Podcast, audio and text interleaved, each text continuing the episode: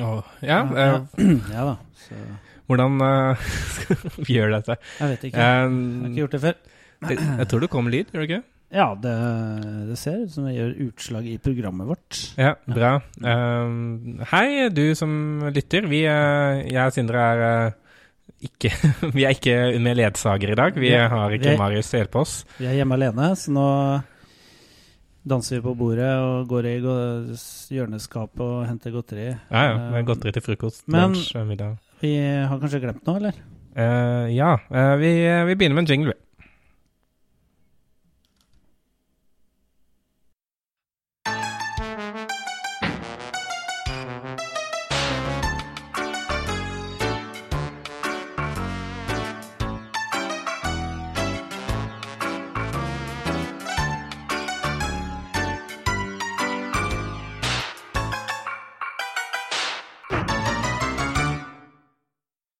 Hei og velkommen eh, til Norske informasjonsrådgivere. Din favorittpodkast om, eh, om norsk informasjonsrådgivning, som også tar et eh, skråblikk på resten av verden.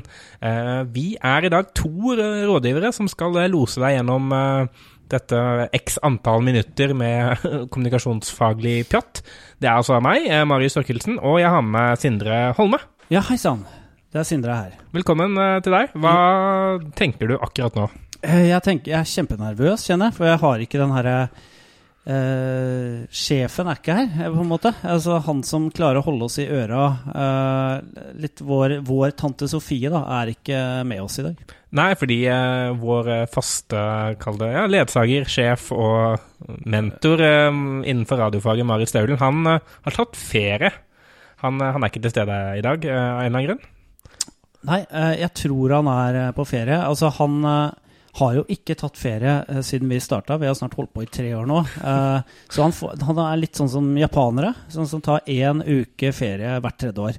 Eh, Så det syns jeg egentlig er greit og fortjent, at han får lov til å ja, får til å la være å være her. Ja, Nå tror jeg han går ned, rundt nede i Frankrike og tar bilder av alt uh, han kan finne, fordi denne ferien skal vare i tre år til, uh, sånn mentalt, så han trenger masse, masse dokumentasjon av det. Det er minutt for uh, eh, dokumentasjon av ferien der nede. Men hva med deg? Hva, du har ikke ferie. Eh, Hvordan eh, har uka di vært? Eh, Uka har vært fint. Jeg har vært på NRK. Oi, visste NRK at du var der? Uh, nei. Altså, jeg var på NRK for å kjøpe en sykkel av en som jobber med teksting. Uh, så, så jeg var ikke på lufta, altså. Eh, hvis du trodde det. Det skulle, skulle tatt seg ut.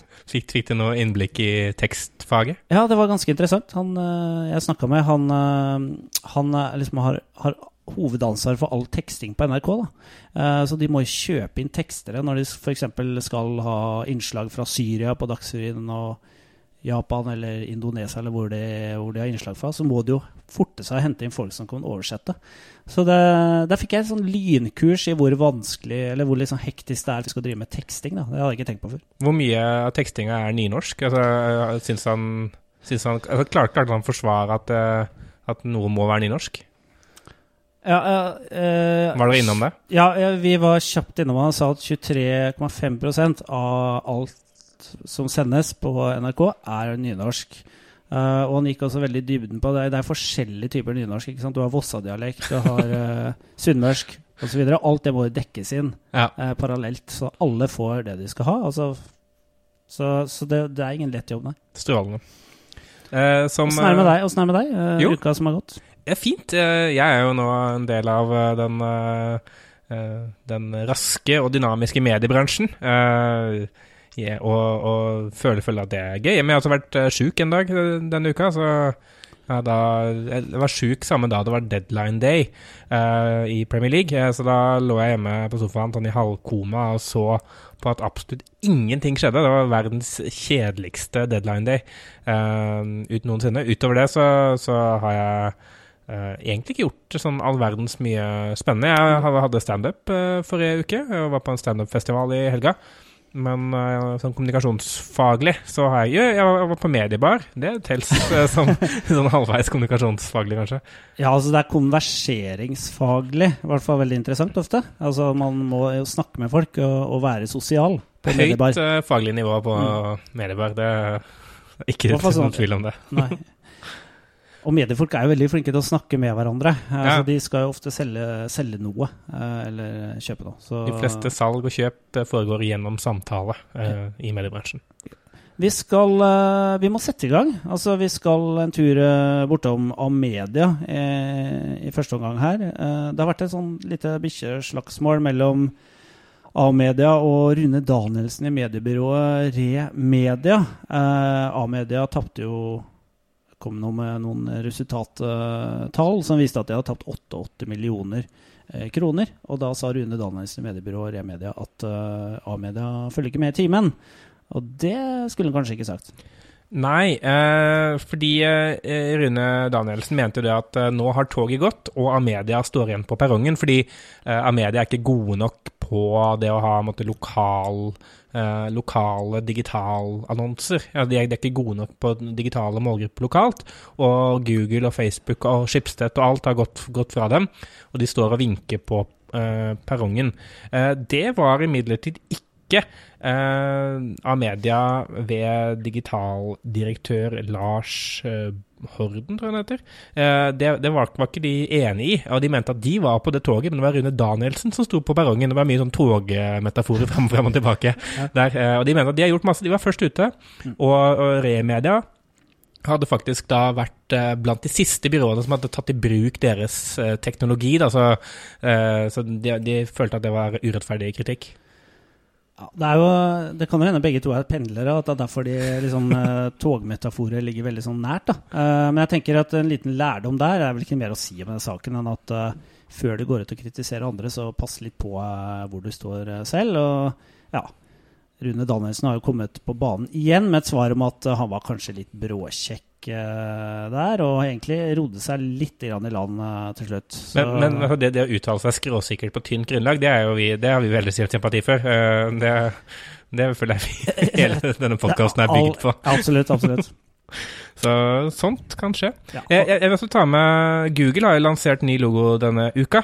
Og, og det som jeg synes var litt fint med det, er jo det at altså, hver gang noen lanserer en ny logo, så får de jo kjeft fra ulike designere og alt mulig rart eh, som mener at dette er dårlig håndverk. Og måten Google valgte liksom, å vise fram at de har fått ny logo på, var en sånn animasjon på google.no.com hvor den eksisterende logoen ble viska bort, og så var det som en barnehånd med en fargestift som tegna den nye logoen. Og jeg tenker, det er, sånn der, det er et grep kanskje bare for å komme i forkjøpet på den der Det kunne femåringen min gjort sjæl. Ja, for det er en femåring som har gjort det. Jeg Kan Google kontre med da, og så er jo den saken eh, lagt død. Eh, men jeg, heller litt også med litt sånn var Fast Company som sa at eh, du, denne eh, nye logoen til Google vil du nok legge merke til, og så vil du ikke legge merke til den lenger. Mm. Eh, så det er, litt sånn Ok, de har skifta logo. Ja, det har jeg gjort ja. Ja, men så Ja, det var sånn ca. tolv timer eh, hvor jeg tenkte å, det var litt rart. Og så å ja, det er ikke det de, alltid har hatt. Og så tenker du sånn etterpå dagen etter Har de skifta logo? Jeg ser ikke noe forskjell. Nei. Det er, det er vel sånn det skal være. Jeg føler eh, god start eh, for oss. eh, Ja. Som, som du merker, kjære lytter, så har vi, ikke, har vi bestemt oss for ikke å klippe så mye i dette, i dette, her. Vi, vi lar det stå til og ser hvor langt det blir. Og så blir du utsatt for det, og det håper jeg du setter pris på. Ja. Terningkast tre, vil jeg si. Sterk treer så langt. Men jeg føler det er på, i gang, det er på tide å, å dra i gang ordentlig. Så vi kjører på med en jingle, og så hopper vi videre. Det gjør vi. Norske informasjonsrådgivere. Valgkampen er nå i gang, og samtlige partier har jo sett behovet for å bruke videoer, spesielt digitalt, for å eh, markedsføre seg. Anders Anundsen var jo ute i, eh, i full storm forrige uke, og andre partier har da også valgt å følge opp dette med andre typer videoer. En av de mer interessante var kanskje Abid Raja og Oslo Venstre sin eh, valgkampvideo fra forrige uke, hvor Abid Raja gjentar eh, Jens Stoltenberg sitt eh, taxistunt og poserer eller går undercover som taxisjåfør. Ja, det var et sjarmerende uh, stunt. Altså, alle husker jo Stoltenberg sin, sin taxitur. f- fra et eh, års tid tilbake, vel. Eh, eller for to, tid, to år siden var det kanskje, forrige gang det var valgkamp. Eh, som også fikk mye støy i media, fordi man fant ut at det var litt sånn iscenesatt. Alt, var- alt var ikke ekte.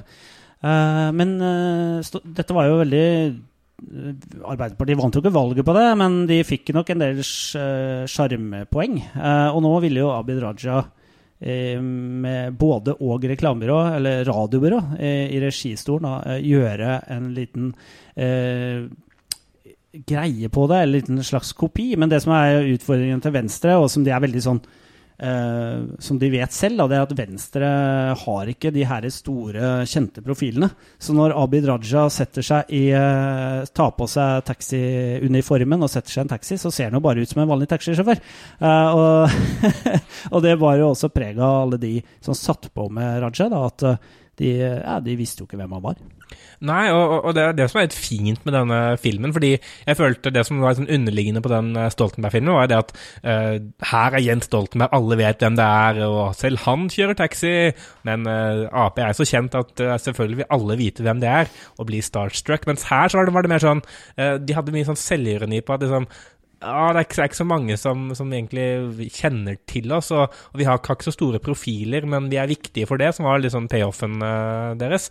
Og, og det er jo noen som tror de kjenner igjen uh, sjåføren, og de er sånn 'Å, det er deg! Jeg, er, er deg jeg har sett før!' Det er du som er han uh, dekkongen, ikke sant?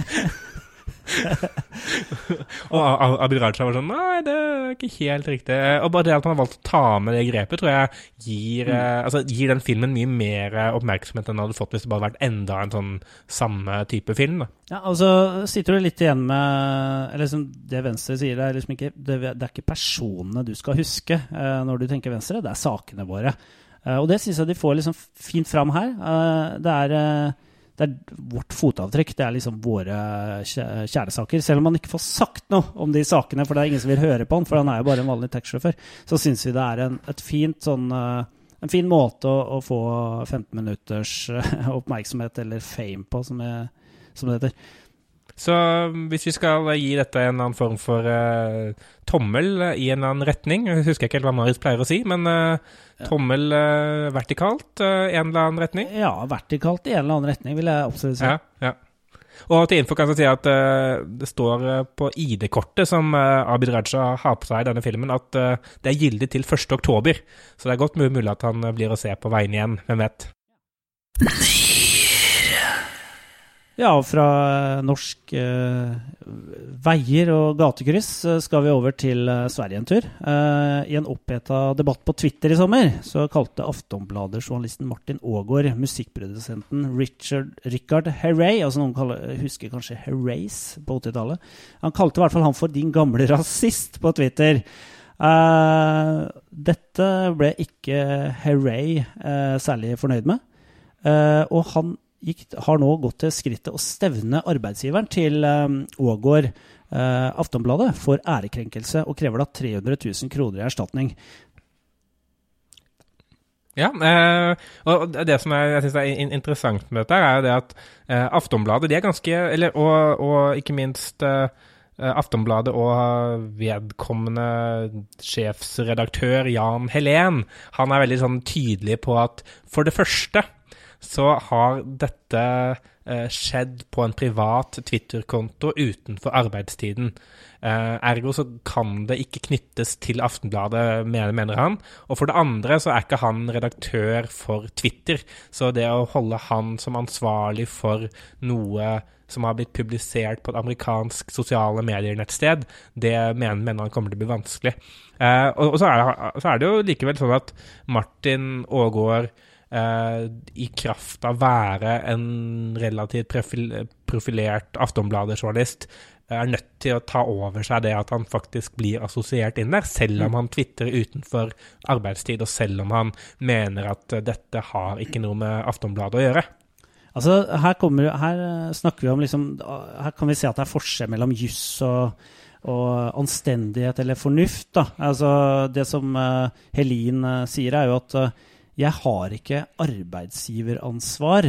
Altså, arbeidsgiveransvar er en juridisk term for at eh, arbeidsgiver kan ha ansvar for dine gjerninger som ansatt dersom du utfører dem i arbeidstiden eller gjør ting som kan, eh, kan sette eh, arbeidsgiveren din i dårlig lys, f.eks. Uh, men det Helin sier, da, det er at Aagaard gjorde dette etter arbeidstid. Og han gjorde det på Twitter. Og som, som du var inne på, Marius, så har jo ikke Helin da redaktøransvaret på Twitter. Så dette er jo en veldig interessant, litt sånn prinsipiell eh, sak. For det, det, er klart at du blir assosiert med å være journalist. Og klart, får du en sånn, sånn slags ærekrenkelse, eller får du en, et sånt stempel på deg av en journalist, så, så kan det jo virke mye sterkere. Eh, for da kan du få en følelse av at, eh, at mediehuset faktisk kritiserer deg, siden, siden du har det liksom i Twitter-bioen din. Da. Så det er jo egentlig Den saken her er jo interessant fordi at fordi at uh, det du har med deg inn på Twitter, om det har noe å si eller ikke, Altså det, En slags bakgrunn og hvor du jobber hen, om det har noe å si eller ikke. Ja, og så, og så er det det poenget at liksom Martin Aagaard uh, altså Ingen hadde jo giddet å lagt merke til han og det han skriver, ikke hadde vært fordi han er Aftenbladet-journalist. Altså Grunnen til at han har den posisjonen han har, er fordi han representerer det mediehuset han representerer. Så hvis han bare hadde vært liksom en alminnelig Martin Aagaard 52 uh, som uh, skrev til Hooray, din jævla rasist, eller gamle rasist, uh, så, så, er det ingen som hadde sånn lea altså, altså, Hooray hadde jo ikke engang brydd seg om det. Da hadde han bare vært et troll. Men fordi han representerer liksom et eller annet mediebedrift, selv om han ikke tvitrer på vegne av dem, så, så, er han likevel da plutselig en person som tillegges mening. Og den meningen kan direkte måtte trekkes tilbake til Aftenbladet. Eh, men det som er interessant med det, som jeg ikke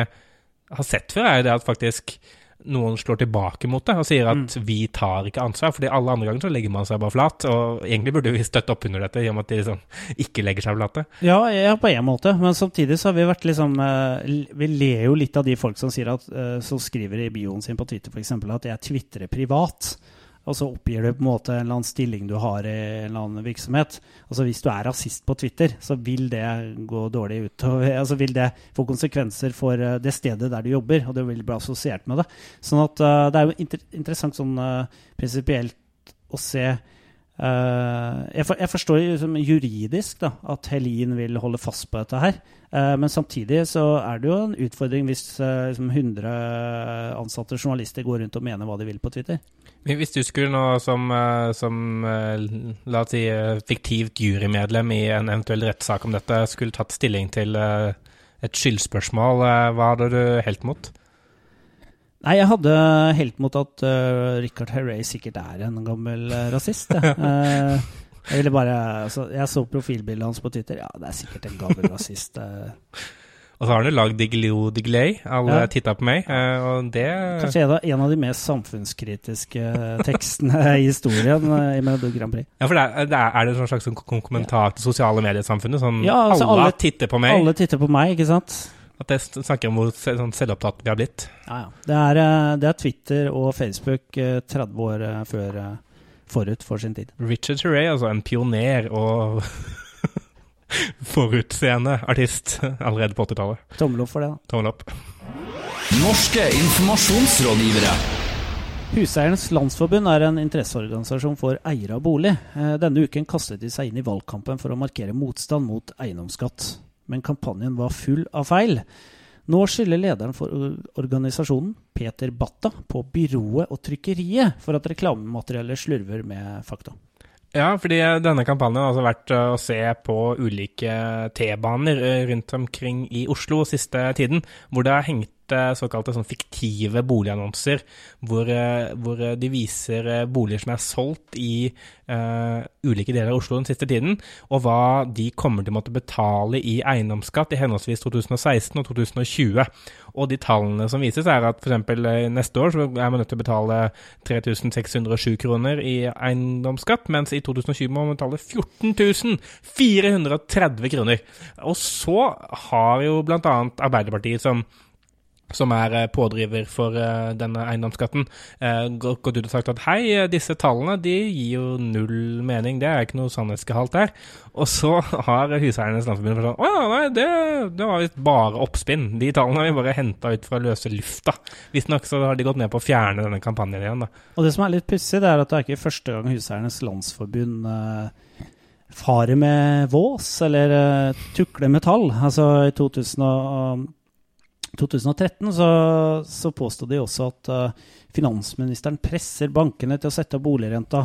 Eh, og de har også enda tidligere enn det, noen år før det, en annen valgkamp, så, så har de også påstått uh, at Arbeiderpartiet ønska, ønska eie, eiendomsskatt, noe som visstnok ikke medførte riktighet den gangen. Så, så det, det, er på en måte det er, det, er, det er, flere ganger, da, og det er hver gang det er valgkamp, så er Huseiernes Landsforbund der. Og, og kudos for å liksom prøve å få oppmerksomhet uh, da. Det er jo viktig for huseierne også, deres uh, medlemmer. Men uh, her er det et eller annet som skurrer litt. Det virker, ja, altså, ikke de, er, virker, ikke som det er noe tilfeldighet at det blir feil. De, de, tenker kanskje at liksom, selv om de går ut med noe sterkt, og så er nødt til å fjerne, så tenker de kanskje at sånn, poenget opp, opprinnelig står såpass uh, sterkt at noen vil kun huske det. At liksom, når noen har sett disse prisene og tenker 'å, fytti i helvete, jeg kan jo ikke stemme på Ap, jeg, jeg som ikke vil betale 14 000 kroner i året. Det er jo, jeg, jeg, jeg, har lyst til å betale null, ikke 14 000. Mm. Og så er det det som blir stående, da. Eh, men, men det, det, det, som er interessant, er også det at når eh, Peter Batta blir spurt om, om disse faktafeilene, eh, så, så spør NRK bl.a. om det ikke er litt uredelig å gi et uh, feilaktig bilde av liksom, politikken. Uh, og så sier han at her har det skjedd en feil på trykkeriet eller byrået vi har brukt. Byrået holder på å gå opp hvor feilen ligger. En feil kan skje hvem som helst. Og Det er sånn der, det virker som de liksom, har nedsatt en eller annen kommisjon, fordi det er en sånn supersvær, komplisert prosess. Hvor du er nødt til å gå gjennom mm. steg for steg, kvalitetssjekke stegene, finne feilkilden og jobbe derfra. Men her er det sannsynligvis to personer personer som er involvert i tillegg til Vatta. En annen fyr i et eller annet byrå, og en annen fyr på trykkeriet. Det er bare sånn, det er bare ringer dem og spør er det du som har gjort det. Ja. ja. Ok. Da er vi ferdig med det. ikke sant? Altså, det, det, er jo, det, er jo, litt sånn typisk norsk å være liksom redd for å plassere ansvar helt konkret på en person også. Uh, Med mindre det er Daniel Buttensjøen. Ja, ja da, da, ikke sant. Det er jo alle byrder over på han. Uh, så hvis det er mulig å lene dette over på han, så, så, så, burde de prøve på det. Uh, det som det dette, dette, ligner jo litt på sånn som politikerne holder på, særlig statsråder. da. Hvis det har skjedd noe galt i et departement, sånn som Audun Lysbakken måtte jo etter hvert gå som barne- og familieminister, fordi han hadde i hvert fall godkjent en tildeling til sånn eh, selvforsvarskurs for, for, jenter for en tid tilbake. Og for å finne ut av hvem som hadde gitt den, det klarsignalet, så satte jo ned en granskningskomité.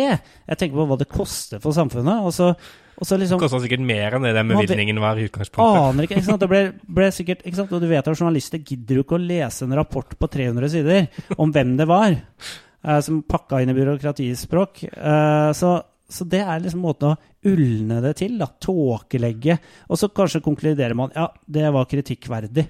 Og så er saken ute av verden uten å ha klart å plassere skyld. Men uh, men man har på en måte fått det av veien, da. Det, det, det, er en slags sånn middelvei mellom det å legge seg flat og det å stå for det man har gjort. Ja. Eh, bare sånn La oss sette ned en gransknings, eh, et granskningsutvalg. Skrive et dokument på 500 sider og håpe at det som ingen gidder å lese det. La oss bruke et halvt år på det, så folk nesten har glemt det, og snike det ut fredag ettermiddag klokka seks. Ja, det er veldig spennende å se i hvert fall uh, resultatet av uh, granskningskommisjonen til uh, Huseiernes Landsforbund, eller forening. Det spiller ingen rolle. glemme de skal vi uansett. Glemme de skal vi uansett. Og Peter Batta, vi gleder oss til neste valg, kan vi vel si. Det kan vi absolutt si. Ukas kudos. Ukas kudos, den tildeles Forsmann og Bodenfors eh, står det i vår sendeplan, selv om det er Los og Co. som, som tar æren for det på kreativforum.no, eller får æren. Men uansett så har jo Los og Co. If som kunde, og If eh, har sammen med Forsmann og Bodenfors i Sverige utviklet en eh, alternativ GPS-app som vi syns er utrolig fin, og som de, de fortjener eh, skryt for. Ja, Slow Down GPS heter den uh, applikasjonen som man kan laste ned. og det som er eh, fiffig med den, og veldig, og veldig fint og, og, smart, er at uh, stemmen på denne GPS-en den går over til barnestemme når uh, bilen din nærmer seg ja, er nærmere enn 200 meter fra en barneskole eller barnehage. Og, og, det her er understøtta av forskning da, som viser at, liksom, at barn sin Eh, på en måte sine stemmer når barn snakker til eh, deg, og du liksom er, barn er talspersoner, så, så, vil du føle sånn eh, med samvittighet da, og, og ta det med på alvor uh, når budskapet kommer fra et barn. Ja, og det, det, som er, det, som er, fint med det, er at det er en app som både er uh, veldig, veldig nyttig for en viktig målgruppe for If, som er typisk uh, barneforeldre, uh, og, og, så er den også, også veldig tett på produktet. Eh, fordi det er klart at eh, If har ikke lyst til å betale ut disse barneforsikringene som, eh, som folk eh, tegner. Eh, så de ønsker jo, de har også en e egeninteresse av at det skal være mindre eh, barneskader i trafikken, eller bare mindre skader i trafikken generelt sett, fordi da beholder de alle, ut, alle utbetalinger i sin egen bankkonto. Ja. så, så, når så de, dette er fornuftig for business og merkevare og alt mulig rart samtidig. Herlig kynisk og fint. Ja, og. Om barn der, altså.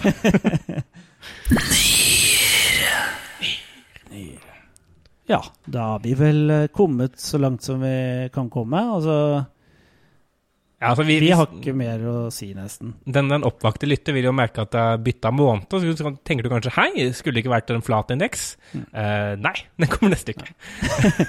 det er alt vi har å si ja. til det. Uh, avslutningsvis så kan, kan, vi ta med det at uh, i år så er det ti år siden orkanen Katrina tok livet av over 2000 mennesker i New Orleans, og, og skapte generelt sett mye ødeleggelse. Men det som er interessant, og som Adweek har tatt tak i eh, denne uka, er det at eh, turistnæringen til New Orleans har fått en slags oppsving etter, eh, etter katastrofen. Ja, fordi New Orleans er jo er kjent for en by med veldig høy partyfaktor. Og det er veldig mye fin musikk som kommer fra New Orleans. Men det som disse merkevarebyggerne i New Orleans sier, er jo at det er litt annen type Altså, det, er jo blitt, eh, det har blitt en veldig bra turistby igjen, men det har blitt en annerledes turistby enn det var før Katrina. For før Katrina så dro folk til New Orleans for å, å feste. Nå er det litt mer sånn nå er folk litt mer nysgjerrig på New Orleans sin historie, fordi at man har fått utrolig mange historier i etterkant av Katrina som forteller et veldig interessant og altså tragisk bilde, eller på en måte tegner et tragisk bilde av New Orleans. Samtidig det er det her som uh, turistene også tiltrekkes litt av. fordi at det er en, også en større historie der enn uh, nettopp det å ha det gøy. da. Ja, og, og de, de, de, sier jo rett ut også at her uh, Altså, dette har faktisk ført med seg noe bra, da, i, i gåsetegn, kan man vel si. Sånn, altså, når det først skjedde, så har faktisk konsekvensene av det vært positive. Og de har en høyere, eh, altså en høyere inntjening fra turisme nå enn de hadde før eh, Katrina. Mm. Eh, og det er, sånn, er generelt sett økt oppmerksomhet rundt andre ting i New Orleans som ikke fikk oppmerksomhet før, da. Eh, som, eh, som, jo er fint. Eh, og ja, kanskje en naturkatastrofe kan måle seg med et OL sånn i inntjeningsmessig? Ja, jeg, jeg, tror kanskje det, fordi at det koster sikkert like mye òg. uh, og, og, man får liksom ikke gjenbrukt uh, det som bygges opp. Det som, det som bruk, bygges opp før et OL, det blir aldri brukt etterpå. og Sånn er det jo med naturkatastrofer. Altså det som er bygd opp før den, det blir jo ødelagt. Ja, og sånn Basert på liksom, tall fra Qatar og Beijing, så er ikke nødvendigvis dødsfallene så mye lavere heller. Så Ja, Dette hadde vi klippa bort vanligvis, men det vet vi ikke hvordan vi gjør, så vi beholder det. Du, vi, kan vi droppe den siste saken? Eller har du lyst til å snakke om den? Um. jeg bare, jeg bare Jeg jobber jo med Mårud. Men, jeg hadde, men jeg tok den med fordi det var interessant det med at eh, med liksom sak Ja, vi kan ta den med, altså. Men det var bare Det er nyhetsverdien. Og så tenkte jeg det er jo ganske interessant med de her Photoshop som prøver å unngå at folk snakker, bruker ordet Photoshoppe. Ja, vi kan, vi kan jo bare hoppe mm. Sånn kort forbi ja. sånn, i innledning. Bare. I forbindelse med det så har NRK lagd en sak på, på, Ja, ikke sant. Uh, jo, som mange har fått med seg, så, så um, Det var han naturlig inngang på ja. Sånn og sånn mange Ja, og så mange har fått med Skal vi begynne sånn? Ja, noe sånt. Eller bare sånn avslutnings eller et eller annet, fordi dette er på slutten. Helt på tampen kan vi jo si at uh, mange, sikkert, som mange sikkert har fått med seg, så er Mårud og Kim, uh, Kims i, i, krangel om, uh, om, bruk av begrepet potetgull i, i tingretten i Oslo. og i den forbindelse har NRK laget en veldig artig sak om andre merkevarer som har blitt en del av dagligtalen til folk, og hvordan merkevarer eh, prøver å unngå at det skal skje. F.eks. at eh, folk bruker stressless som andre stoler enn Ekornes sin stressless, eller at man snakker om Seimen når man egentlig snakker om andre typer gelé, eh. Men, men kanskje det mest interessante er, er eh, Adobe Photoshop, eh, dette, dette bilderedigeringsverktøyet, som jo eh, har sett seg lei på at folk bruker ordet å, photoshoppe et bilde i hytt og gevær. Og ifølge dem så er korrekt språkbruk å si ikke et bilde som er photoshoppa, men et foto som er fiksa ved hjelp av Adobe Photoshop programvare. Så det hørtes mye mer kronglete ut enn noe annet. Ja, altså, eh, Det å instruere folks dagligtale, det kan hende de får til det i Nord-Korea. Jeg tror ikke de får det til der heller, men eh, lykke til, eh, Adobe. og... Ja, det er jo håpløst. Det er, jo- det er utopi. Det er en eller annen fyr i Adobe som sitter sånn derre Dette håper jeg kommer til å skje. Altså, alle andre Nei, nå er du dum, Frank. Ja. Ja, og, og med det eh, så tror jeg vi er ved veis ende. Hvordan syns du det har gått? Jeg er strålende fornøyd. Jeg regner med kjempehøye lyttertall. Og jeg tror eh, Staulen skal få det tøft med å forsvare sin plass eh, neste uke. Ja, for Nå må han forsvare det mot ingenting. Ja. Som ja, selvfølgelig er vanskelig. Ja, ikke sant.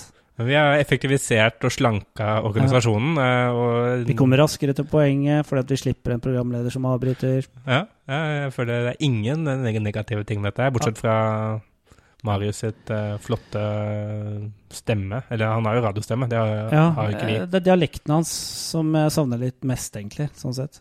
Savner måten han ser på deg på. Lyden av stemmen hans. Pusten. Ja, ja. Og, eh, og den inderligheten som han viser. eh. Og den ramsalte humoren. Jeg, jeg, jeg tror det betyr at vi burde ha avslutta for lengst. Hadde vært Marius vært her nå, så hadde han sagt "Nei, gutta, nå må jeg slutte. Nå må dere gi Ja, nå må jeg slutte, nå har jeg snakka for mye. Men vi kan jo si takk for at eh, du, kjære lytter, har eh, lyttet eh, til nok en episode av Norske informasjonsrådgivere. Det er for øvrig episode nummer eh, 120. Det er det.